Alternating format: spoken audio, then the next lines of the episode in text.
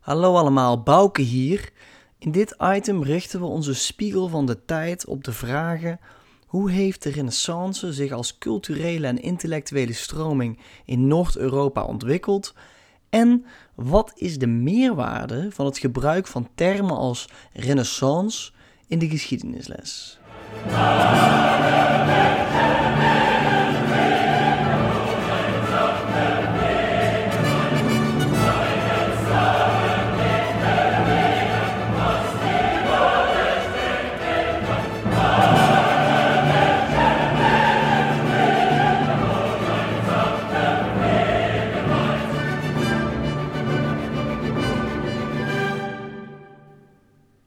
Item over de Renaissance in Italië hebben we geleerd dat vanaf de 14e eeuw ongeveer denkers en kunstenaars teruggrepen op het klassieke erfgoed van de Grieken en de Romeinen en zo de deur openbliezen naar de nieuwe tijd.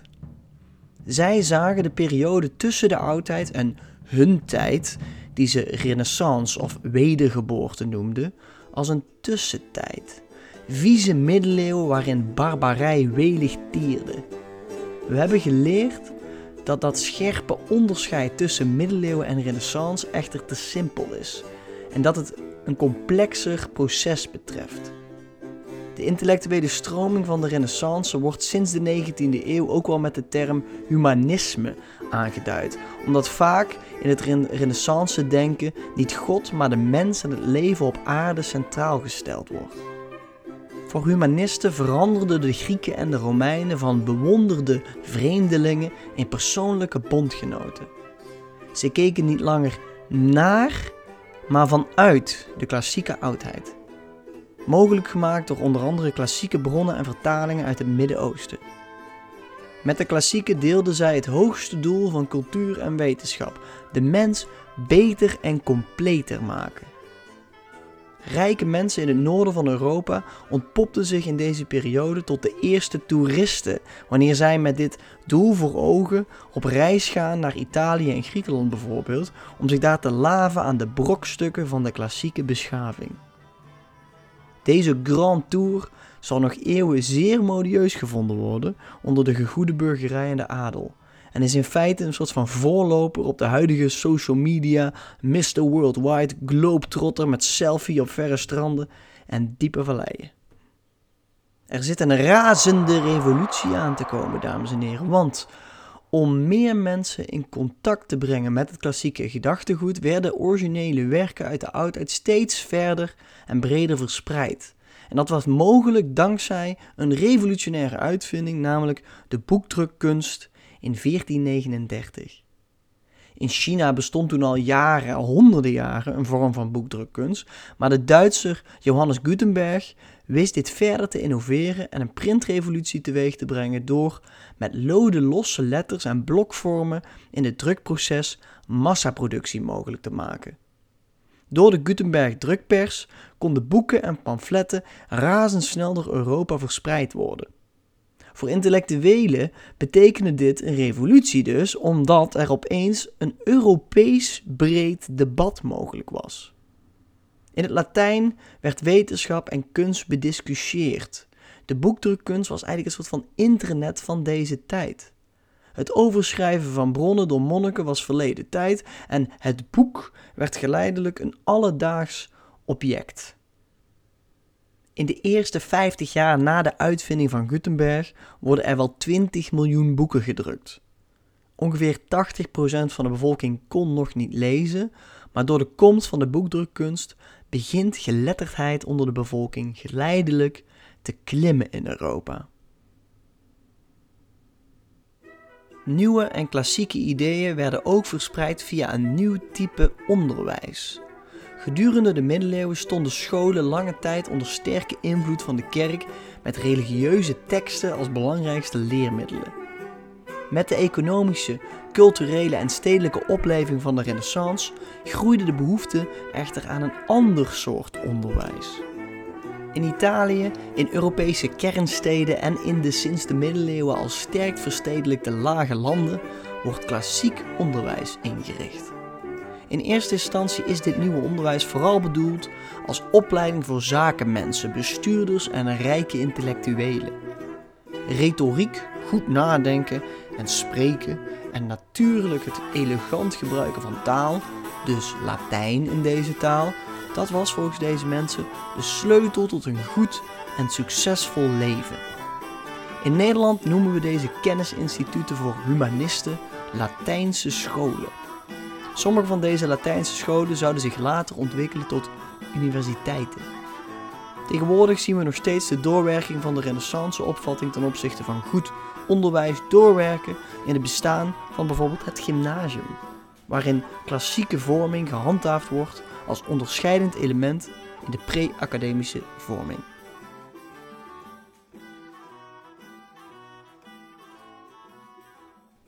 De grootste en beroemdste humanist van zijn tijd was Desiderius Erasmus van Rotterdam.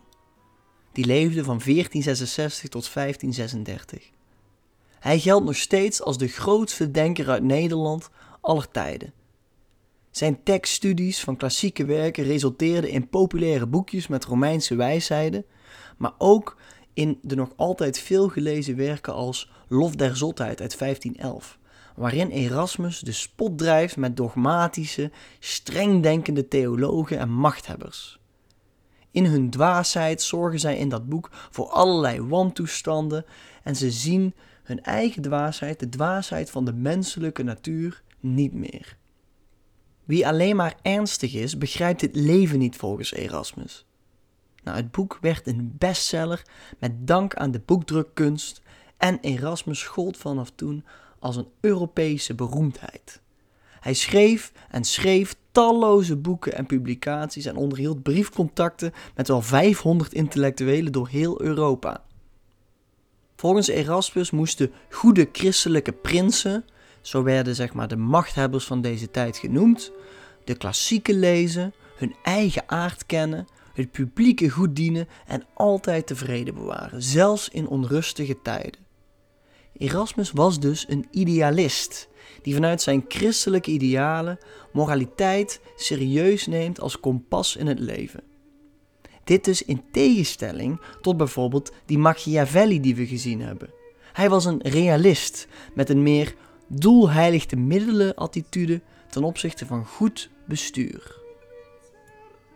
Erasmus benadrukte dat het belangrijk was om zelf de Bijbel te lezen en riep op tot meer taalonderwijs om daar ook voor te zorgen.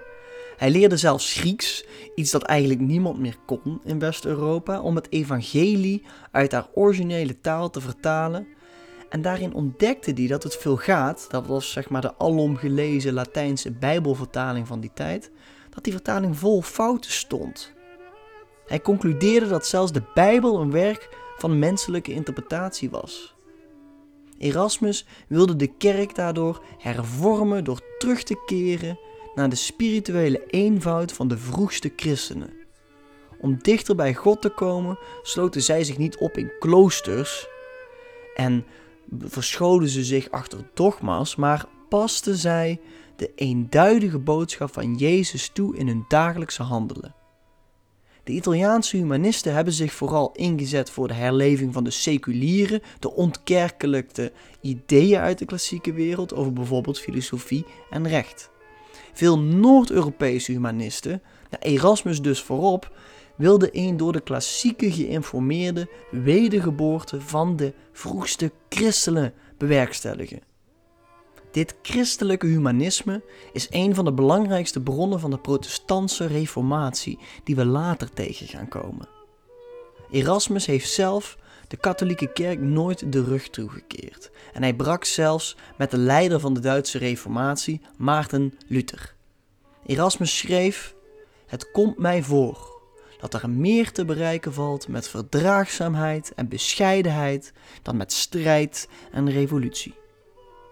Dat lijkt me een wijsheid om naar te leven. Een van de beste vrienden van Erasmus was Thomas More.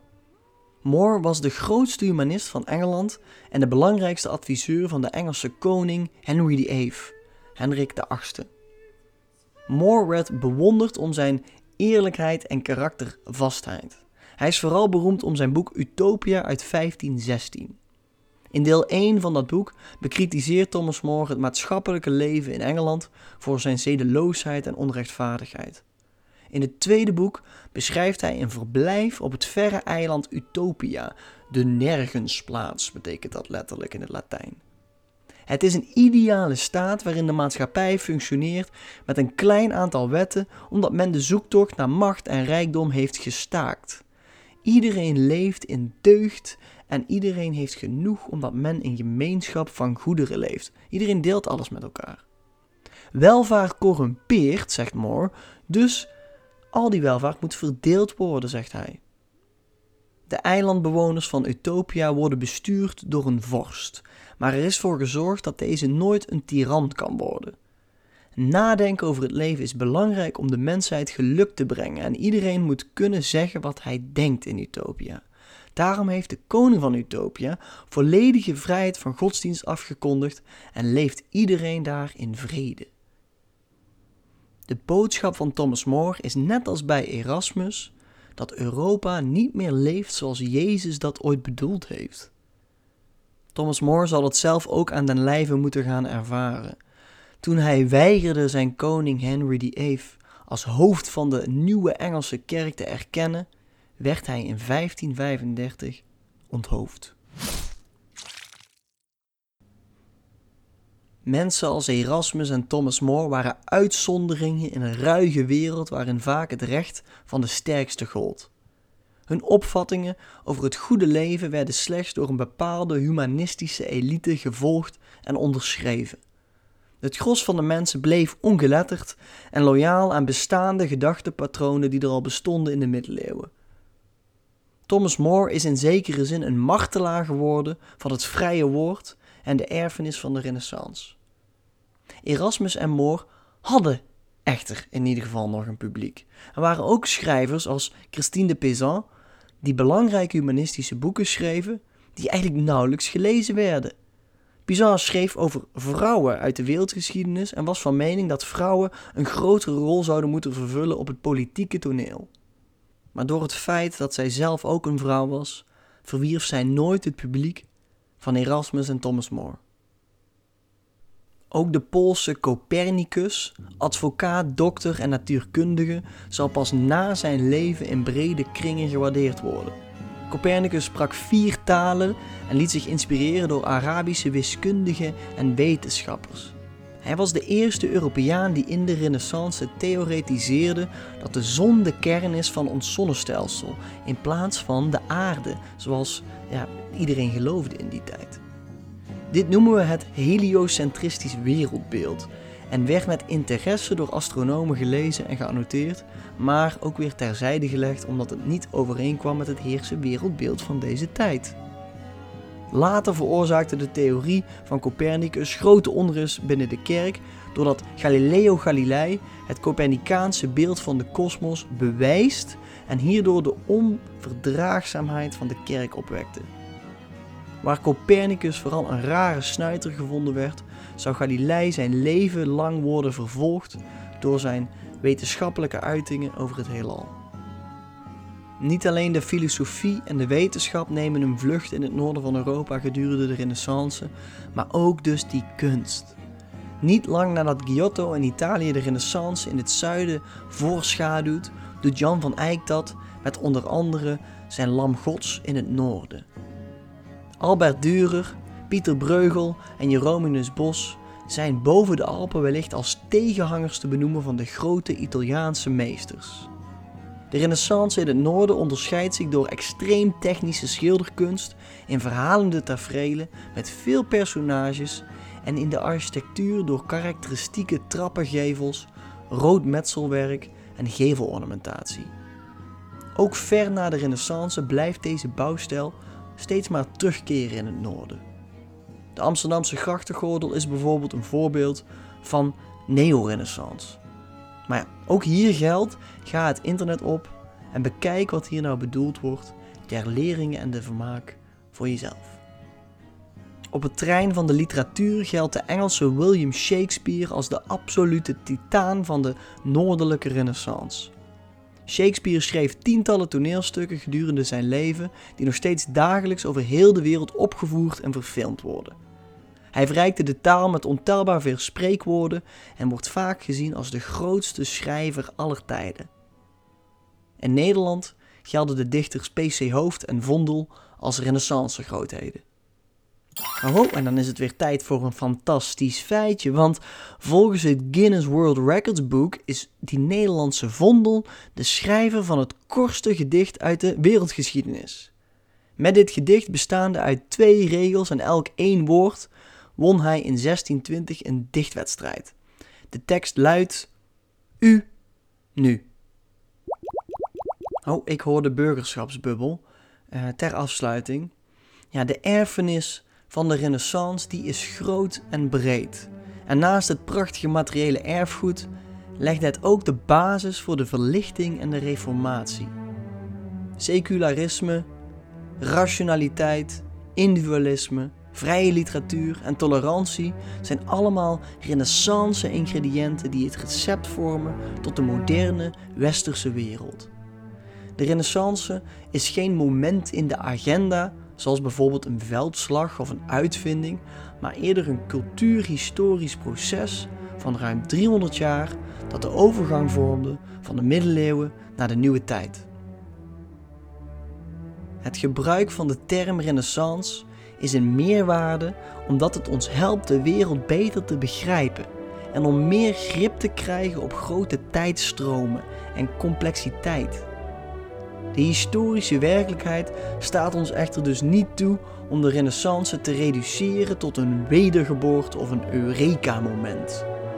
Nee, het is eerder een verhaal, een narratief bij een proces.